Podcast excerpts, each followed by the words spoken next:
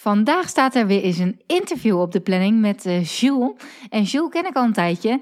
We gaan het uh, hebben over ons ondernemen, of nou ja, vooral over haar ondernemersavontuur. Uh, ze komt uit de fashion, heeft even een uitstapje gemaakt. En ehm, we hebben het ook over branding, styling en fashion. En hoe kleding ook belangrijk is voor je, het groeien van je business en het aantrekken van de juiste klanten. En het klinkt misschien oppervlakkig, maar dat is het zeker niet. Dus ik zou zeggen, heel veel plezier met dit superleuke gesprek. Hey, wat superleuk dat je luistert. Ik ben Marlou. Zo'n 10 jaar geleden begon mijn ondernemersavontuur. Mijn missie is om jou te inspireren en te helpen groeien. Zowel zakelijk succes als persoonlijke ontwikkeling. Hoe vind je de juiste balans tussen mind, body en business? Eerlijke verhalen, business tips, maar ook mindset en wet van aantrekking komen aan bod. Ben jij klaar om moeiteloos te gaan ondernemen vanuit de juiste energie? Enjoy! Oké, welkom Jules. Superleuk dat jij uh, te gast bent hier in mijn podcast. Dank je wel. op YouTube, want we hebben hem natuurlijk ook uh, op Zoom aanstaan. Dus uh, mm. ja, tegenwoordig upload ik mijn podcast ook weer op YouTube. Dus misschien dat ik deze wel gewoon met beeld kan doen. Ja. Perfect, imperfect met mijn pluizige haar, maar dat geeft even nee, leuk. Leuk nee. krullen. ja, precies. Met krullen mag dat. Hè? Dat is altijd een goed excuus. Ik heb toch krullen. Ja. ja. Hey Jules, um, vertel even, wie ben je, wat doe je en waarom doe je wat je doet? Uh, nou, ik ben Jules. Ik uh, werk als stijlcoach voor uh, gevestigde ondernemers. Dus ik help ze echt om via een krachtige kledingstijl hun, hun merk weer naar de next level te brengen, zodat ze nog meer impact kunnen gaan maken. Zodat echt die branding gewoon echt één kloppend geheel wordt. Um, en dat doe ik eigenlijk omdat ik ja, ik heb altijd gewoon al een passie gehad voor stijl. En dat heeft zich eigenlijk in verschillende dingen wel geuit. Maar ik ben uh, vorig jaar tot de conclusie gekomen dat ik uh, styling echt, uh, als ik helemaal terug ga naar de kern, dat ik dan het stukje styling en met name kleding en styling gewoon het allerleukst vind. Dus ik heb toen besloten om me echt volledig daarop te gaan richten. Dus dat is ja, waarom ik doe wat ik doe. Dat, ik vind eigenlijk gewoon omdat ik dat het allerleukste vind. En omdat ik het ook vind, belangrijk vind dat, uh, dat mijn klanten gewoon meer inzicht krijgen in dat kleding ook gewoon super leuk kan zijn als het echt bij je past. En dat het echt iets voor je kan doen, dat het echt voor je kan werken. Ja. Uh, niet alleen op zakelijk vlak, maar natuurlijk ook op persoonlijk vlak. Kleding is natuurlijk heel erg emotie, dus het geeft je een bepaald gevoel. En dat uh, kun je gewoon heel goed gebruiken ook als tool voor je business. Ja, zeker. Super mooi. Nou, ik kan me hier helemaal in vinden. Het is leuk uh, misschien om eventjes uh, uh, wat achtergrond te geven voor de luisteraars van, nou ja, van, van onze geschiedenis. Want ja. wij kennen elkaar al best wel lang. Ja. Um, ik vergeet nooit meer dat we bij elkaar, of dat jij bij mij in mijn showroom bij Follow Fashion aan tafel zat. Ja, dat vergeet ik ook nooit meer.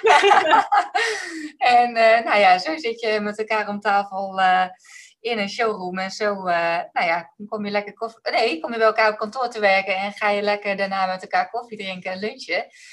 Um, ja. Even bij het begin beginnen, want um, wij kennen elkaar inderdaad uit mijn follow fashion tijd en uh, ja, in jouw geval de stijl bij shoe uh, tijd. Ja, ja, klopt. Vertel even wat je, wat je toen deed. Ja, ik ben eigenlijk in, um, nou als, je, als we helemaal teruggaan ik ben opgegroeid in een, uh, een kleine plaats in Groningen. En, uh, ik had heel veel leuke vriendinnen, maar ik had eigenlijk niemand in mijn omgeving die uh, kleding leuk vond en, en, styling. En ik heb dat eigenlijk altijd wel leuk gevonden. En toen op de middelbare schooltijd had je, ja, mijn middelbare schooltijd, verraadt misschien inmiddels een beetje mijn leeftijd, maar toen waren we nog fora. Dus, uh, en ik weet nog dat ik altijd, ik las altijd de L-Girl en je had ook een L-Girl forum. Ja, ja. En dan had je dan allemaal van die, uh, ja, van die uh, onderwerpen en dan had je ook zo'n What are you wearing today topic. Nou, en dan ging iedereen dan foto's maken van wat ze die dag aan hadden en dat werd dan gedeeld. En ik dacht, oh, er ging gewoon letterlijk een wereld voor mij open. Dat er ook andere mensen waren die, die ook kleding leuk vonden. En dat was voor mij een van de eerste mogelijkheden om ja, met soort van like-minded mensen met dezelfde interesses eh, in contact te komen. Mhm. En toen in 2008 besloot ik om ook echt een blog te beginnen. Dus toen heb ik eigenlijk gewoon hetzelfde gedaan als wat ik op dat forum deed. Gewoon foto's maken van wat ik aandeed. En dat postte ik dan op mijn eigen blog uh, vanaf toen. Dus dat was eigenlijk best wel vroeg, 2008. Dat was echt wel uh, een van de eerste ja. in Nederland die echt daarmee bezig was, volgens mij. En, uh, maar het zag er ook echt niet uit. Ik had gewoon echt met paint dingetjes in elkaar geflanst en een logootje gemaakt.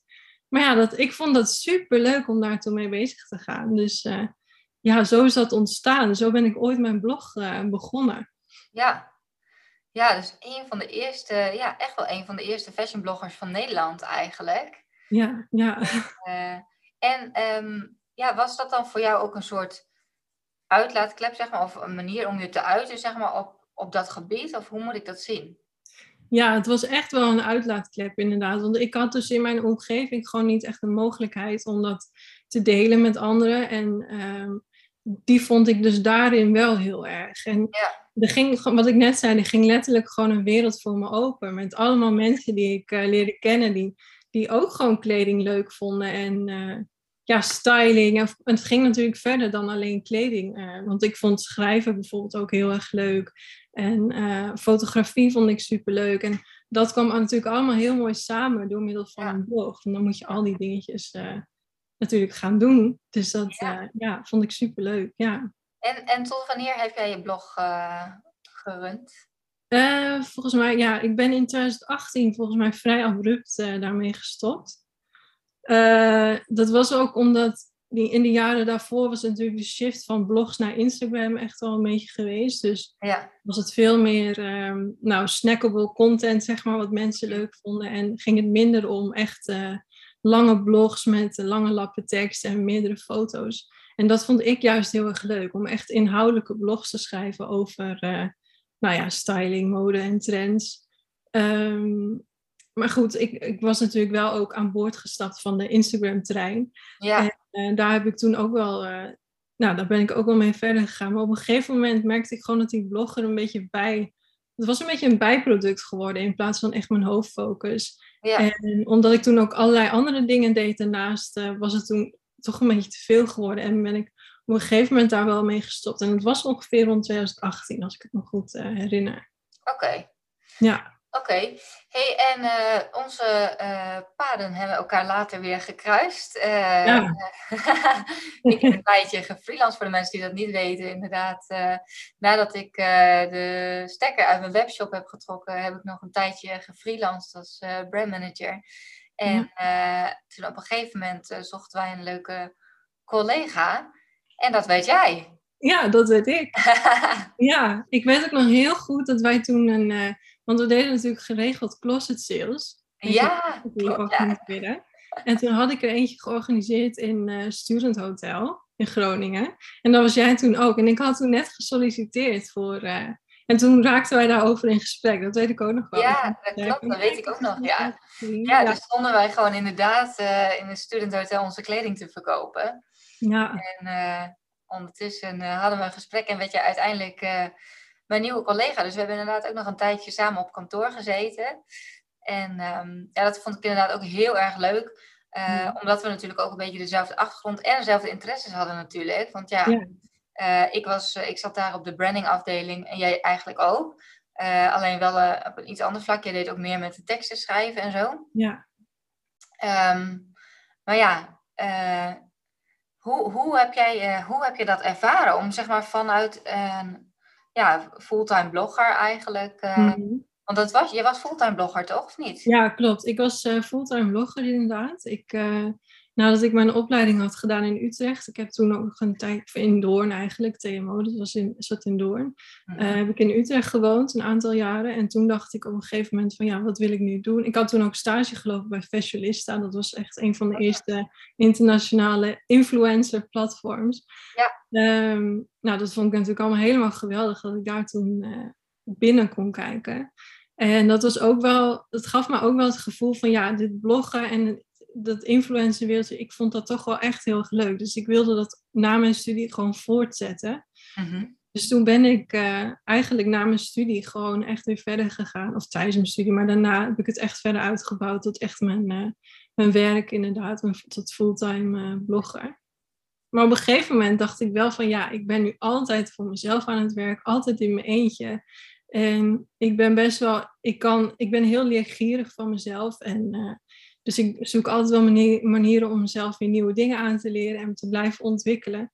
Maar op een gegeven moment dacht ik wel van ja, ik ben toch ook wel heel erg benieuwd hoe het er in een grotere uh, organisatie aan toe gaat. En ook uh, grotere bedrijven waren op dat moment ook steeds meer bezig met influencer marketing en zelf een blog bijhouden. En ik dacht ja, daar heb ik best wel wat kennis over. Dus ik weet ook zeker dat ik een, een ander bedrijf, dat ik daarin weer een toevoeging zou kunnen zijn. En ik kan ook weer wat van hun leren, wat ik weer mee kan nemen. Dus toen ben ik inderdaad gaan kijken van, goh, zou er een leuke uh, passende functie zijn, waar ja. ik misschien wel uh, uh, tot recht zou komen. Nou, en die vond ik dus toen inderdaad bij jou op kantoor. Ja, ja. ja, en ik ben op een gegeven moment weggegaan. Jij bent gebleven. Ja. jij hebt toen ook eigenlijk een soort van mijn functie overgenomen. Ja, ja. En um, uh, daar ben jij op een gegeven moment weer mee gestopt. En toch weer voor het fulltime ondernemerschap gekozen. Ja, klopt. Ja, op een gegeven moment... Um, nou, ik vertelde dat net al natuurlijk. In 2018 ben ik toen ook best wel abrupt uh, gestopt met mijn blog. Eigenlijk, als ik zo op terugkijk, echt een soort van van de hak op de tak uh, in één keer gestopt. Mm. Maar dat had wel een diepere reden. Want uh, inderdaad, ik werkte toen als brandmanager. Nadat jij weg was gaan, had ik die taak op me genomen, die functie. maar ik had daarnaast ook nog steeds mijn, mijn blog, mijn Instagram. En ik deed freelance klussen daarnaast nog. Ja. Um, en op een gegeven moment werd het best wel een beetje veel. En dacht ik wel van ja, wat vind ik nou eigenlijk het allerleukste om te doen? En ik merkte ook wel dat een, een functie op kantoor en ja, um, dat paste gewoon niet helemaal bij mij. Ik ben gewoon echt wel iemand die heel erg houdt van vrijheid. Die zelf gewoon echt. Uh, oh, ja, ik zit leuk. Ik ga toch niet langs. oh jee, wacht even hoor. Oh, oh, oh. Hey, hey, wat doe jij? Nou, zul je net zien. Gebeurt er niet. Ja, raar, zo in kleding. nooit. Uh, even terug naar mijn verhaal. Waar was ik gebleven? Ja, ik merkte dus dat dat uh, werken op kantoor van 9 tot 5 vond ik best wel lastig. Want ik was natuurlijk ook gewend. Hé, hey, nou, ze bij jou op de Die, komen er gewoon even gezellig bij. Nou, ik was natuurlijk heel erg gewend om uh, voor mezelf te werken altijd. En gewoon mijn eigen tijd in te delen. En uh, dat was nu gewoon niet zo. En ik had steeds meer het gevoel dat het gewoon heel erg zo was van ja, je komt op kan kantoor om negen uur. Uh, een beetje alsof je een, een automaat was waar je een kwartje in gooide. Je drukt op de aanknop en je moet aanstaan tot een uur of vijf. En dan kun je weer weg. Maar dat werkte voor mij gewoon niet. En ik heb dat heel lang gewoon wel ge, ja, ik heb dat gewoon gedaan. De functie die ik had en de mogelijkheden die daarbinnen uh, allemaal waren, vond ik hartstikke leuk. Want we deden echt superleuke projecten. Ja, maar dat is wel heel leuk om te vertellen. Want mensen hebben misschien zoiets van, ja, wat doe je dan als brandmanager? Ja. Uh, ja, dat is wel echt, uh, waren leuke dingen. Grote, ja. waren grote campagnes. Het was natuurlijk een bedrijf met grote budgetten ook. Ja. Dus echt, uh, nou, dan moet je denken inderdaad aan uh, fotoshoots uh, in het buitenland. En ja, van A tot Z eigenlijk ja. alles regelen. Ja, precies. En toen jij inderdaad nog in de rol als brandmanager erbij was, toen had jij natuurlijk heel erg ontfermd over het concept en het opzetten van de shoots. En ik deed dan, ik vervulde dan ook de rol als stylist daarbinnen. Dus ja, dat was ook ja. wel heel erg leuk. Ja. Maar uiteindelijk heb ik dus alles overgenomen en deed ik dat allemaal zelf. En werd het team ook veel kleiner. Dus er kwam echt best wel heel veel eh, verantwoordelijkheid bij mij te liggen en heel veel taken. Nou, dat vond ik allemaal prima, want ik vond het allemaal hartstikke leuk. Alleen de manier waarop, dus echt het kantoorwerken, 9 tot 5, eh, aanstaan op ehm, bepaalde tijden, dat vond ik gewoon heel erg lastig. Want ik ben Ja. gewoon iemand die ehm, op de meest onverwachte momenten ineens eh, een hele creatieve flow krijgt. Ja, En om twee uur 's middags eh, op een random dinsdag misschien eventjes helemaal niet. nee. En dan eh, vind ik het dus heel fijn als je voor jezelf werkt, dat je dat gewoon, ja, dat je dat gewoon zelf kunt indelen en gewoon eventjes iets anders kunt gaan doen als je op het moment dat je denkt van nou nu, nu even niet. En Ja. dat kon natuurlijk toen niet. En Ehm, ik heb dat heel lang gewoon, ben ik dat blijven doen. Ook omdat ik voelde van ja, dit is wat ik wilde doen. Ik wilde zelf gewoon kijken bij een groot bedrijf. Ik heb echt, binnen een half jaar had ik de mogelijkheid gekregen om door te groeien tot echt brandmanager. Dus ik had ook echt zoiets van ja, ik kan dit niet zomaar opgeven. Alleen maar omdat ik nu zo heb van, zoiets heb van ja, de manier van werken past niet bij me. Nee. Ik voelde heel erg die druk van nee, ik moet het wel gewoon echt waarmaken nu. Ehm, en ik ben ook best wel een beetje een strebertje. Dat eh, wil ik ook wel toegeven van mezelf. Dus ik, dat moet dan ook gewoon.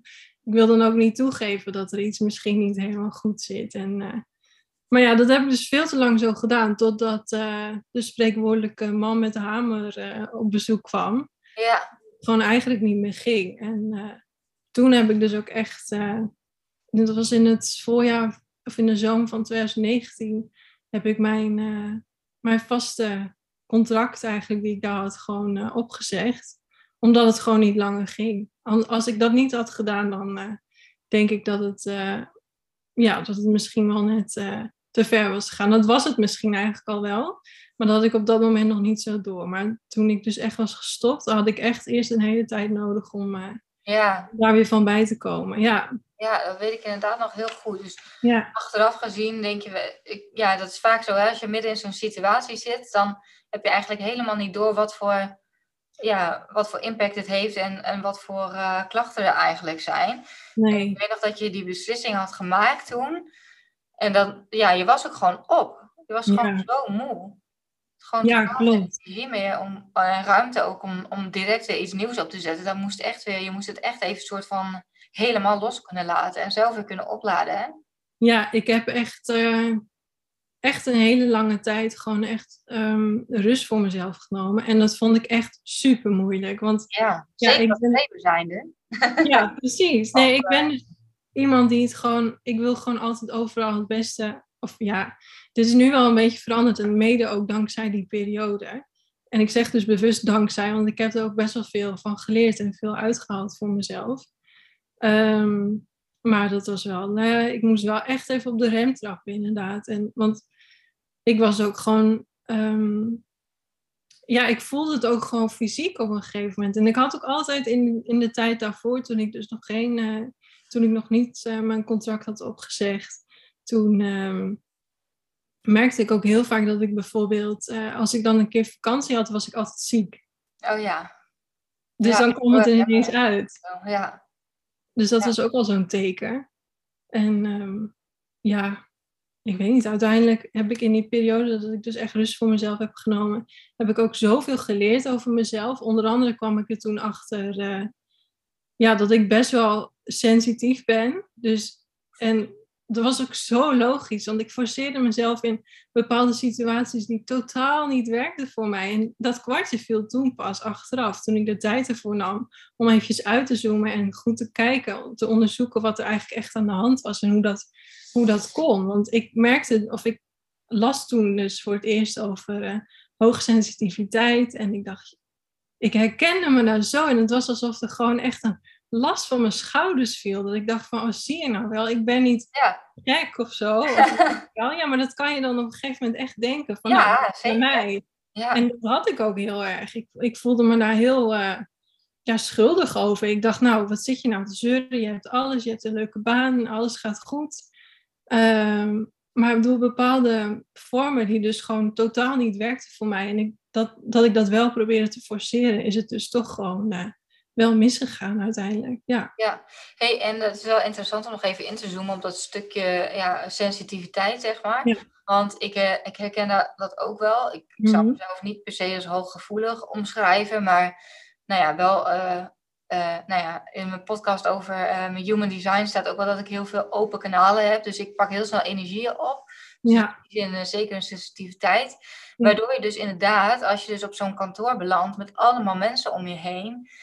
Je, bent gewoon, tenminste dat had ik, helemaal gesloopt als je thuis komt. En dat is niet alleen, terwijl je zelf wel heel erg energie kan krijgen van het werk wat je doet. Maar ja, ja, er zijn zoveel prikkels en zoveel eh, dingen die misschien niet van jou zijn. Wat je allemaal tot je Ja. neemt. Nee, precies. En dat is het ook. Precies wat jij zegt. Gewoon al die prikkels. ehm, die daar gewoon zijn, waar jij gewoon, tenminste op dat moment wist ik totaal niet hoe ik daar mee om moest gaan. Ik was me daar helemaal niet van bewust dat dat zo'n effect op mij had, maar dat had het dus wel, ja. Ja. ja. dus je hebt echt wel even, hoe lang heb je uiteindelijk de tijd genomen om uh, ja, uh, bij te komen? Even denken, nou, ik, ik heb dus in 2019, zomer 2019, heb ik, uh, ben ik gestopt met mijn baan en um, nou, sowieso kwam, ja, toen, ik denk dat het na een jaar of zo, dat ik, dat, dat ik echt terug kon kijken, dat ik echt verschil merkte in hoe ik me voelde. Dus dat ik ook echt letterlijk kon zien dat het wat beter ging. Um, maar ja, toen kwam natuurlijk corona. Ja. En toen werd ik eigenlijk geforceerd, net als iedereen, om, om uh, ja, rustiger aan te doen. En uh, dus toen ja, heb ik daar een soort van toch maar gebruik van gemaakt. Om dus inderdaad toch nog wel eventjes uh, niet direct weer alles open te trekken en uh, vol ervoor te gaan, maar toch nog eventjes, uh, ja, het rustig allemaal weer op te bouwen. Dus daar ben ik toen wel mee begonnen, maar dat heeft uiteindelijk toch nog echt wel weer, uh, nou misschien in totaal iets van anderhalf jaar wel geduurd, denk ik hoor, voordat het echt... Ja, hey, en had jij zoiets van, ik, ik wil sowieso niet meer in loondienst, of was dat ook nog wel een optie voor je? Nee, ik had echt wel zoiets van ik wil sowieso niet meer in loondienst. Want ik had ook door die functie uh, en wat ik daar deed, heel erg het besef gekregen van dat wat ik allemaal al deed daarvoor en wat ik heb geleerd door uh, een eigen bedrijf te hebben en um, door zelf eigenlijk een merk te hebben gebouwd ook, realiseerde ik me ook dat ik echt superveel kennis had daarover. Ja, en dat ja. ik daar echt wel uh, wat meer mee kon doen. Dus dat, nee, en inderdaad, de vorm van een uh, kantoorbaan paste dus niet bij mij. Daar was ik wel achter gekomen. Dus ik wilde echt graag weer gewoon lekker voor mezelf verder. Ja, ja. ja. En um, ik, wat ik ook nog wel heel interessant vind, is uh, de periode dat je dus eigenlijk soort van, ja, uh, ja, wel dezelfde keuze hebt gemaakt, maar wel echt eventjes tot stilstand ben gekomen. Ja. Um, en rust hebt genomen hoe ziet dat er dan uit? Ik, ik denk, kan me voorstellen dat er mensen zijn die nu luisteren en die denken van, maar wat doe je dan? Weet je, als je zo erg gewend bent om altijd maar aan te staan. Je deed heel veel verschillende dingen naast de loningsbaan. Was je natuurlijk ook nog gewoon freelancer. En, ja. en wat gebeurt er dan? Hoe, ja. ja, dat is wel heel raar. Ik was dus in het begin, uh, toen ik, was ik, moest ik ook gewoon, was ik super moe. Dus ik heb in het begin, echt helemaal in het begin, dus dan praten we echt over de eerste weken, moest ik gewoon letterlijk bijtanken. Moest, ik sliep gewoon echt super veel. Mm-hmm. Uh, ik was ook niet echt super fit, dus daar moest ik echt even doorheen. En op een gegeven moment begin je dan iets beter te voelen. En dan, uh, ja, wat voor mij heel erg hielp, is om gewoon um, sowieso niet te veel te plannen. Dus nee. dat je niet zeg maar de druk hebt van dat je iets moet doen.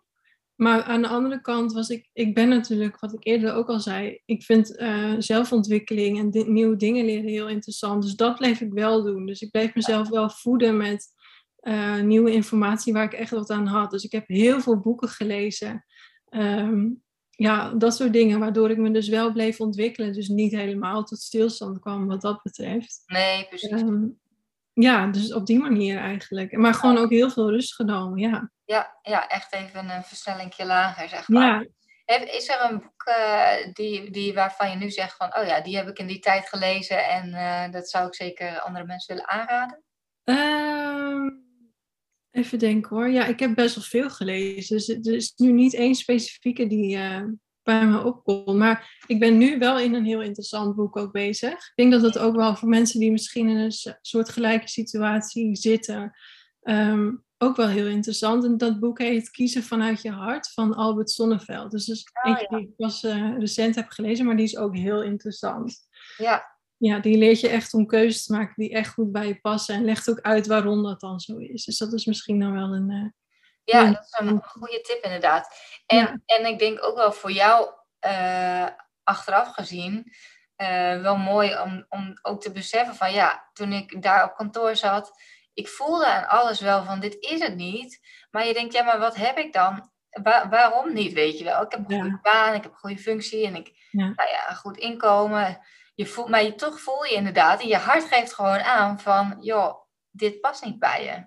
Nee, klopt. Het is, je voelt het eigenlijk wel, maar ja, dat hoofd. Ja, ja. mij. ja. Maar kun je dan nu zeggen dat je, meer, dat je al meer vanuit je hart bent gaan leven in plaats van vanuit je hoofd? Ja, veel meer.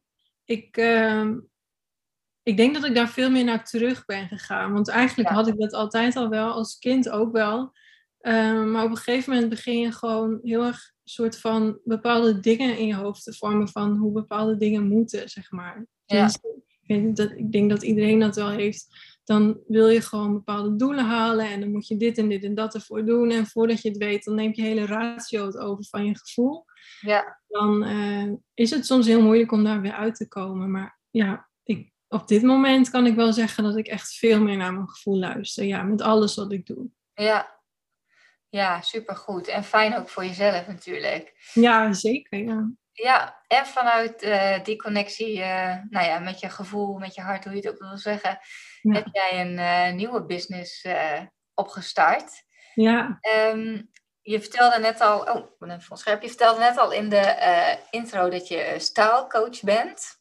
Ja. Um, kun je daar wat meer over vertellen?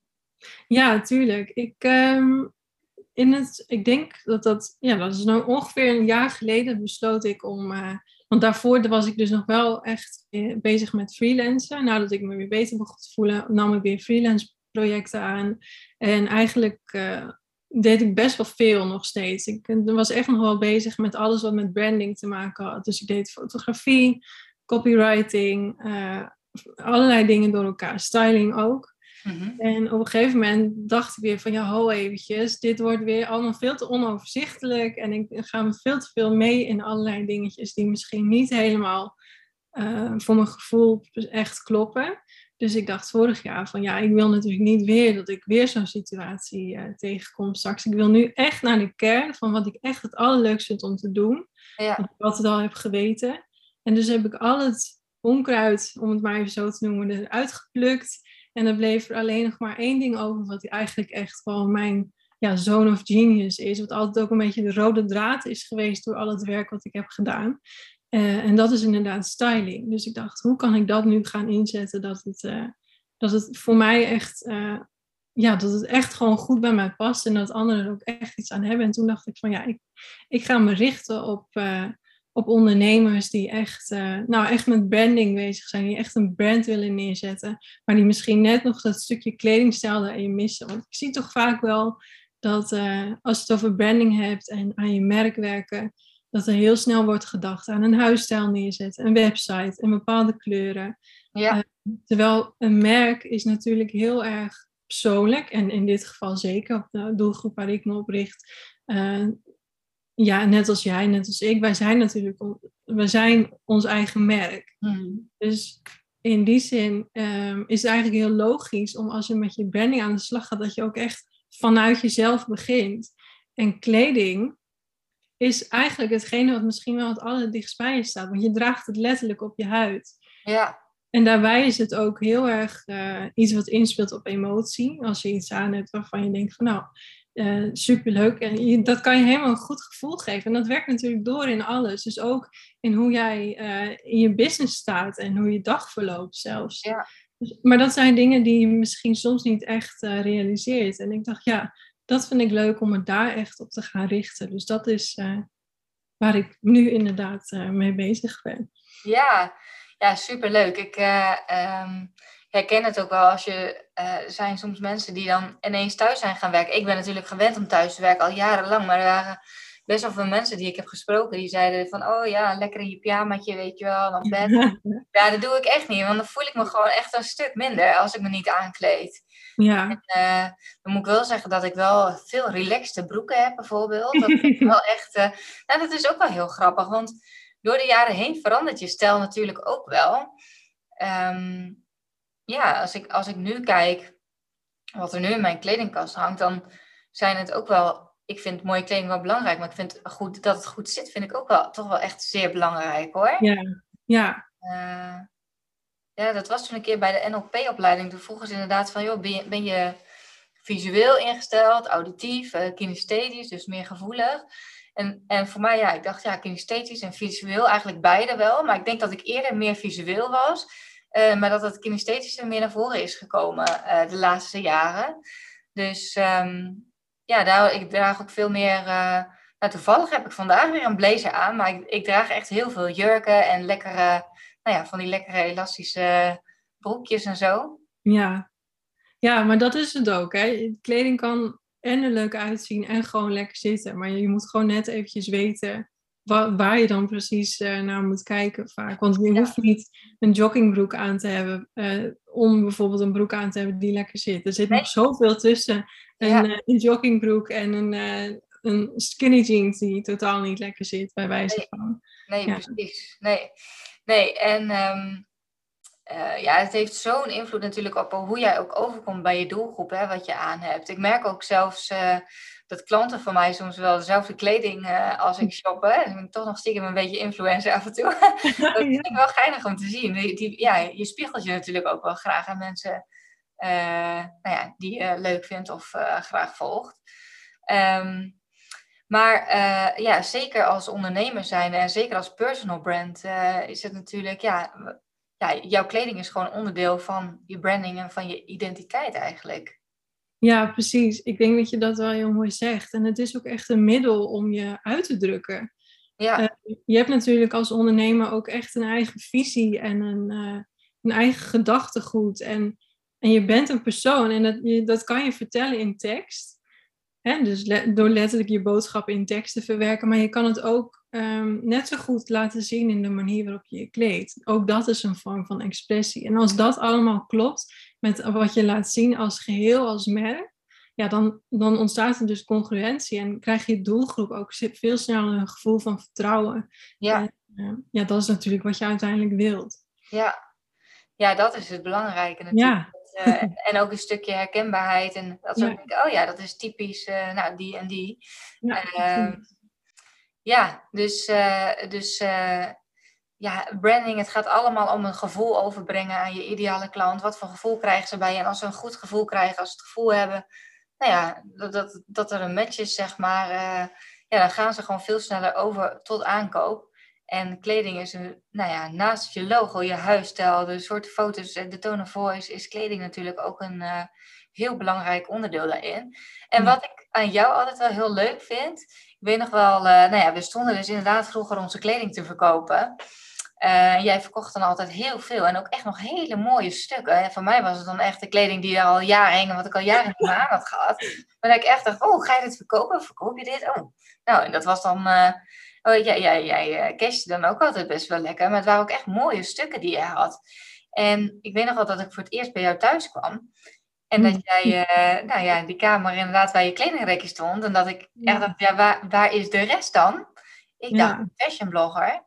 Ik vond het zelf altijd wel leuk uh, in mijn tijdperk van follow fashion dat ik het excuus had om zeg maar veel kleding en schoenen en tassen te hebben. Ja. Ik zit in de fashion. Maar jij bent wel echt van de duurzaamheid, hè? Ja, klopt. Nee, ik uh, denk in de tijd dat ik inderdaad nog een blog had. Uh, nou ja, toen kreeg ik natuurlijk ook best wel veel. En had ik ook veel kleding wat dan echt uh, bedoeld was om, eh, voor, vanuit samenwerkingen. Um, maar ik vond het wel heel erg belangrijk dat ik alleen de stukken koos die echt gewoon ook bij mij hoorden. Dus ik had ook best wel vaak dat mensen, of dat merken dan een samenwerking met mij wilden. Maar dat ik dan dacht van ja, dit past totaal niet bij mij. Dus dan was dan, dat sloot gewoon totaal niet aan. Dus dat deed ik dan ook niet. Dus inderdaad, de hoeveelheid kleding die ik dan kreeg vanuit samenwerkingen bleef ook best wel beperkt, omdat ik daar heel erg selectief in was. Ja. Maar ook vanuit mezelf. Ik, ehm, ja, je ziet nu hier op de achtergrond een deel. Voor de mensen die dit op beeld zien, die zullen dat zien. Uh, ik heb inderdaad gewoon een rek kleding. Dat is nu in dit geval dit. En er staat hierachter nog een laag kastje met de rest. Maar dat is het ook. Want ik hou gewoon heel erg van dat je overzicht hebt in je kast. En je hebt echt niet de wereld aan kleding nodig om, uh, om er elke dag gewoon op je best uit te zien. Ik denk juist als je heel goed weet wat bij je past, dat je dan aan een aantal echt goede items gewoon uh, al meer dan genoeg hebt. En ja. dat, uh, ja, dat is inderdaad, ik vind duurzaamheid heel belangrijk. Dus ik kies zelf ook voor alleen kwalitatief gewoon hele goede items die gewoon ook uh, dan weer jaren mee kunnen gaan. Ja. Ja, ja, ik vind dat echt, uh, echt heel inspirerend. En ik moet vaak aan je denken als ik mijn kledingkast aan het opruimen ben. En uh, nou, ik moet zeggen dat ik tegenwoordig ook wel echt veel minder ben gaan shoppen. En ja, ik had natuurlijk ook zelf een eigen webshop. Dus dan kun je alles lekker voor de inkoopprijs. En dan krijg je inderdaad nog kleding opgestuurd. Maar ja, wat je zegt, ik bedoel, ik heb zo vaak kleding opgestuurd gekregen wat ik maar één keer aan heb gehad. Het is gewoon zo zonde en zo niet duurzaam. Daar kan je ook gewoon niet meer achter staan. En, maar ja, je zei net iets heel moois inderdaad, van als je gewoon weet wat er bij jou past, dan heb je aan een paar items gewoon voldoende. Ja. Ehm, en kun je daar ook uh, nou ja, volop natuurlijk mee mixen en matchen. Maar dat is het grootste probleem natuurlijk. Hoe kom je erachter wat er bij je past? Ja, nou, ik, ehm, dat is inderdaad ook iets waar ik inderdaad met mijn klanten ook echt op focus. Dat we eerst echt gaan kijken van ja, wat past er echt bij jou? En daarom, mijn, uh, mijn programma heet ook uh, Soulful Styling. En dat is natuurlijk met een reden. Dat is omdat ik geloof dat echte stijl van binnenuit komt. Dus echt gericht is op wie jij bent als persoon.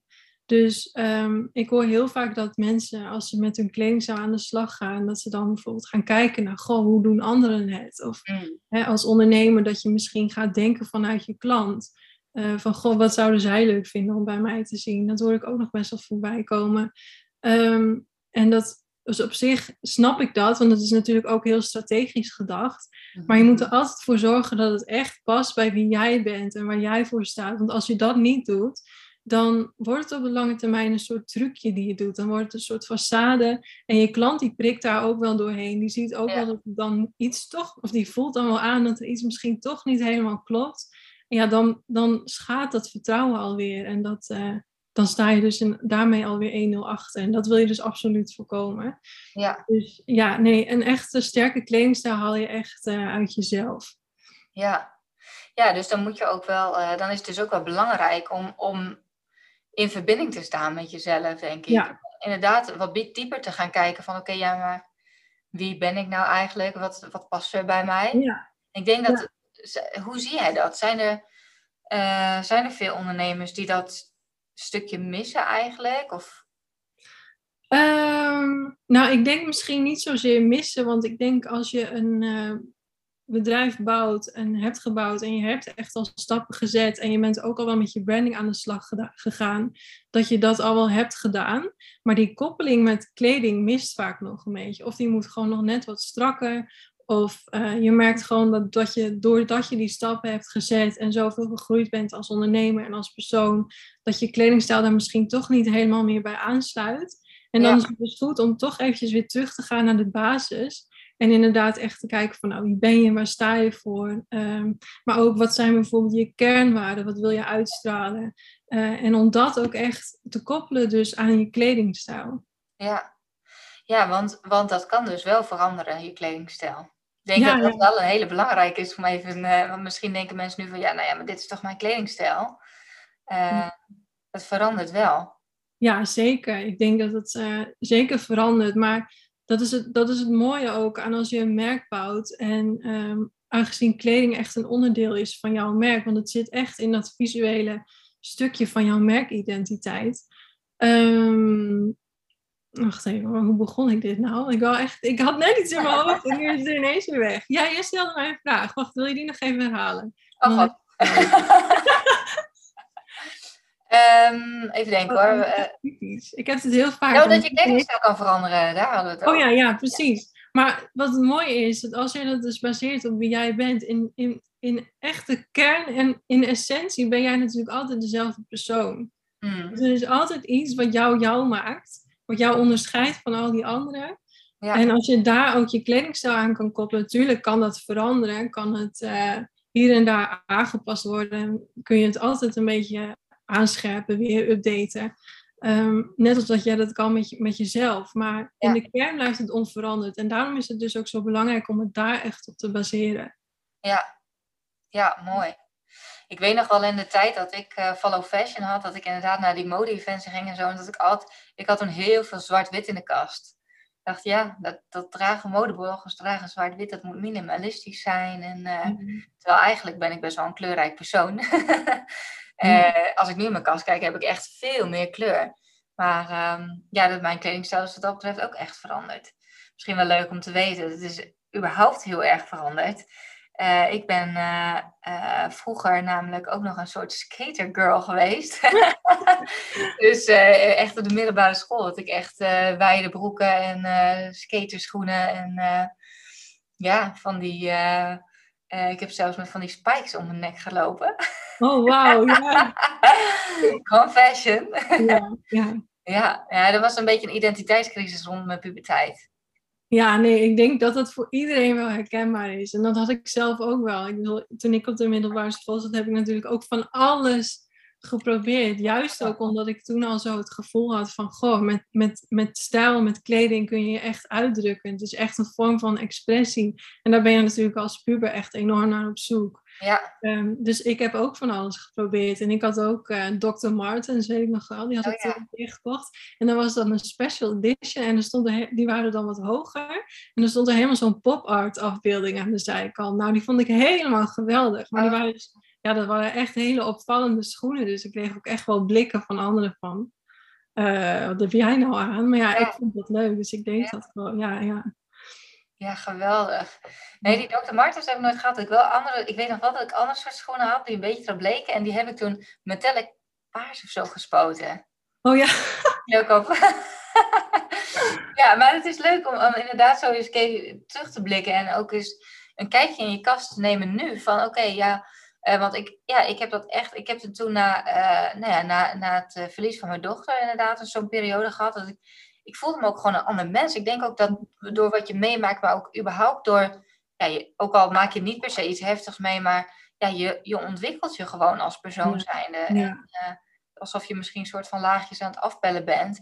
En dan regelmatig eventjes in de kast te kijken van, goh, klopt dit nog? Voel ik me Ja. hier goed bij? En Ja. eh, Ja, nee, het Ja. is inderdaad wat je zegt, voel ik me hier nog goed bij. Want ook al is het alleen maar voor jezelf, dat kan al zo'n verschil maken. Als je Ja. 's ochtends opstaat en je trekt je kast open, of bij mij, zoals bij mij, je staat voor je rekje. En je denkt van ja, ik weet gewoon direct wat ik aan wil. En ik weet ook zeker dat wat ik ook aantrek, dat, daar word ik gewoon helemaal blij van. En sterker nog, ik kan gewoon niet wachten om mij aan te kleden in de ochtend. En dat is natuurlijk een heel ander gevoel dan wanneer jij je kast opentrekt en je denkt van eh, snel maar weer dicht, want eh, Ja. nou ja, het ziet er eigenlijk allemaal niet meer uit en ik moet er echt een keer wat mee doen, maar ik heb er geen tijd voor. En nou ja, dat, dan, dat is natuurlijk heel anders en dat is wel direct waar jij je dag mee start. Dus Ja. ja, ja, en dat is denk ik wel een goed besefmomentje voor mensen. Van ja, hoe, hoe sta ik 's ochtends eigenlijk op en hoe sta ik voor mijn kledingkast? En Mhm. misschien moet je gewoon eens een keer rigoureus eh, met de bezem doorheen.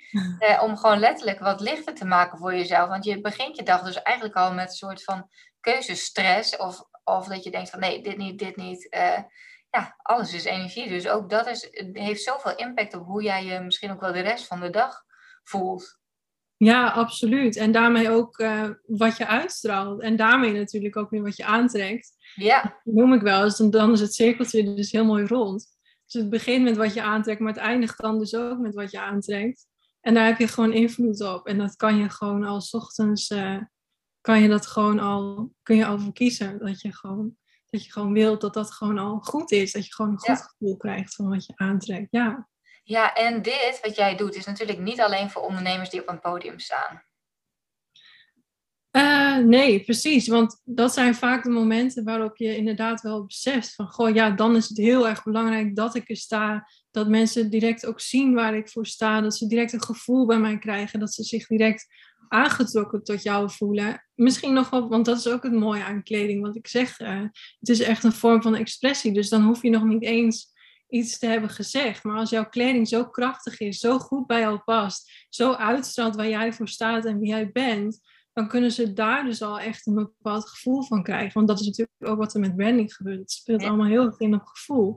En dan kun je daarmee dus zelfs al het vertrouwen van je klant of van je potentiële klant winnen, nog voordat je überhaupt hebt gesproken. Ja, Dus dat is zeker belangrijk, maar dat werkt natuurlijk ook door op dagelijkse basis. Als jij gewoon ja, eh, kleding in je kast waar je blij van wordt, dan, dan, dan heb je elke dag gewoon een fijn gevoel daarvan. ja, en voel je jezelf zeker en dat straal je weer uit, waardoor het allemaal veel moeitelozer zal gaan. En mensen zeggen inderdaad, je wordt gewoon super aantrekkelijk. Hoe zelfverzekerder je bent, hoe aantrekkelijker je wordt eigenlijk voor je klanten natuurlijk. Ja, ja, aan de ene kant inderdaad eh, voel je jezelf gewoon eh, veel zelfverzekerder, maar je klant voelt dat natuurlijk ook. Ja. Ja. en dat werkt als een magneet. Ja.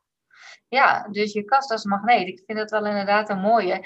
Hey, en ehm, eh, eh, je vertelde net al kort even iets over je programma. Ja, Ehm Soulful Styling, zei je? ja. Hoe, hoe ziet dat eruit? Is, kunnen mensen dat... Is dat ja, het is een, een drie maanden programma waarbij, uh, want ik werk dus inderdaad als stijlcoach, maar ik maak ook echt de koppeling met branding. Want styling is, zoals ik al eerder zei, het is echt een onderdeel van jouw visuele merkidentiteit, wat dus allemaal weer onder jouw branding valt. Dus uh, we gaan echt eerst even de diepte in, even kijken van, nou wie ben jij allereerst natuurlijk, want het begint met jou. Uh, maar ook waar sta je voor? Wat heb je al gedaan? Wat staat er al aan branding? Hoe ziet dat er allemaal uit? Waarom heb je waarvoor gekozen? Wat maakt jou echt jou? En wat maakt jouw merk echt jouw merk? Wat zijn je sterke punten?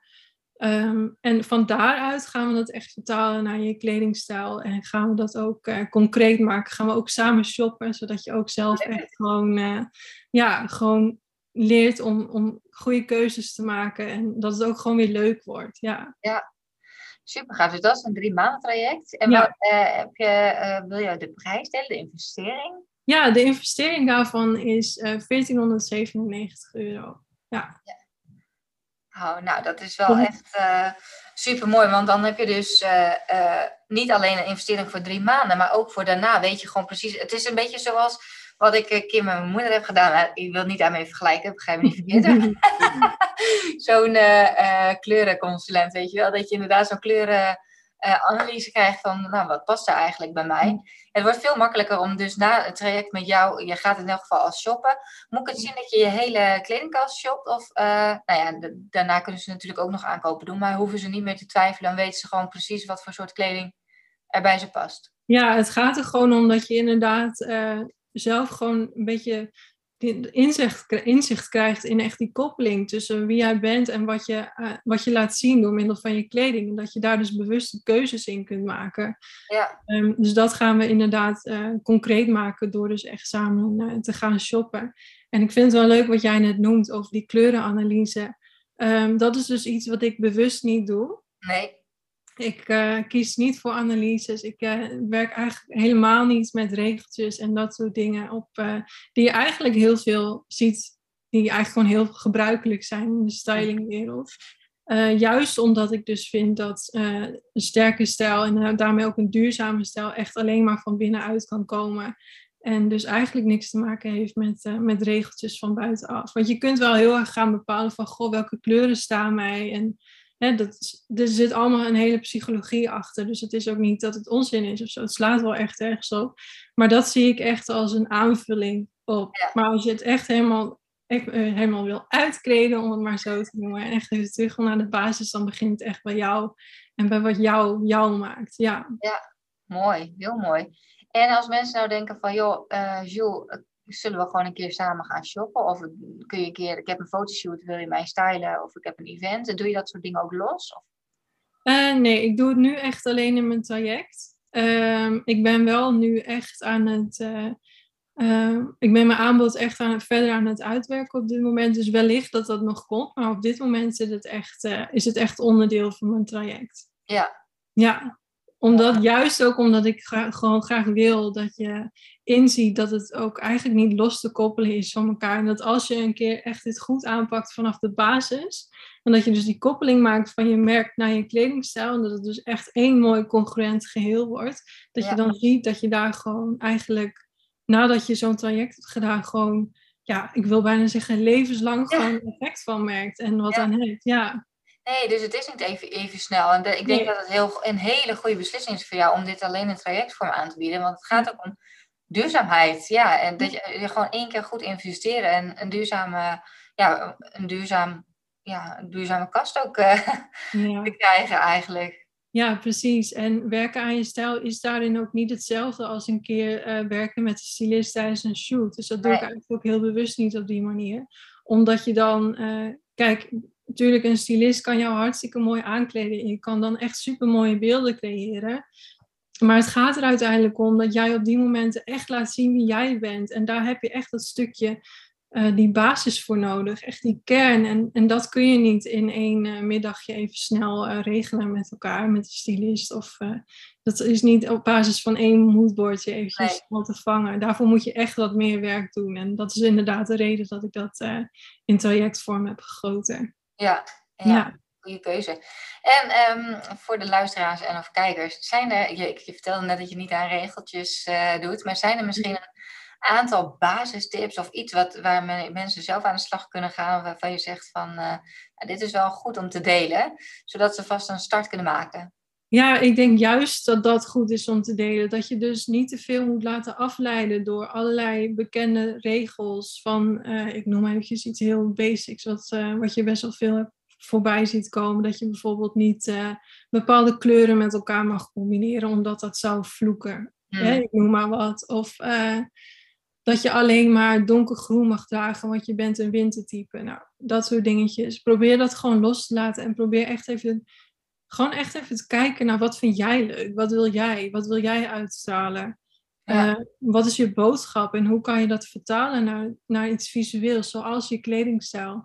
Maar probeer het echt vanuit jou te doen en niet vanuit, uh, vanuit je klant of vanuit wat een ander doet. Of, dus houd echt bij jezelf. Ik denk dat dat echt de belangrijkste tip is die ik op dit moment uh, zo zou willen delen.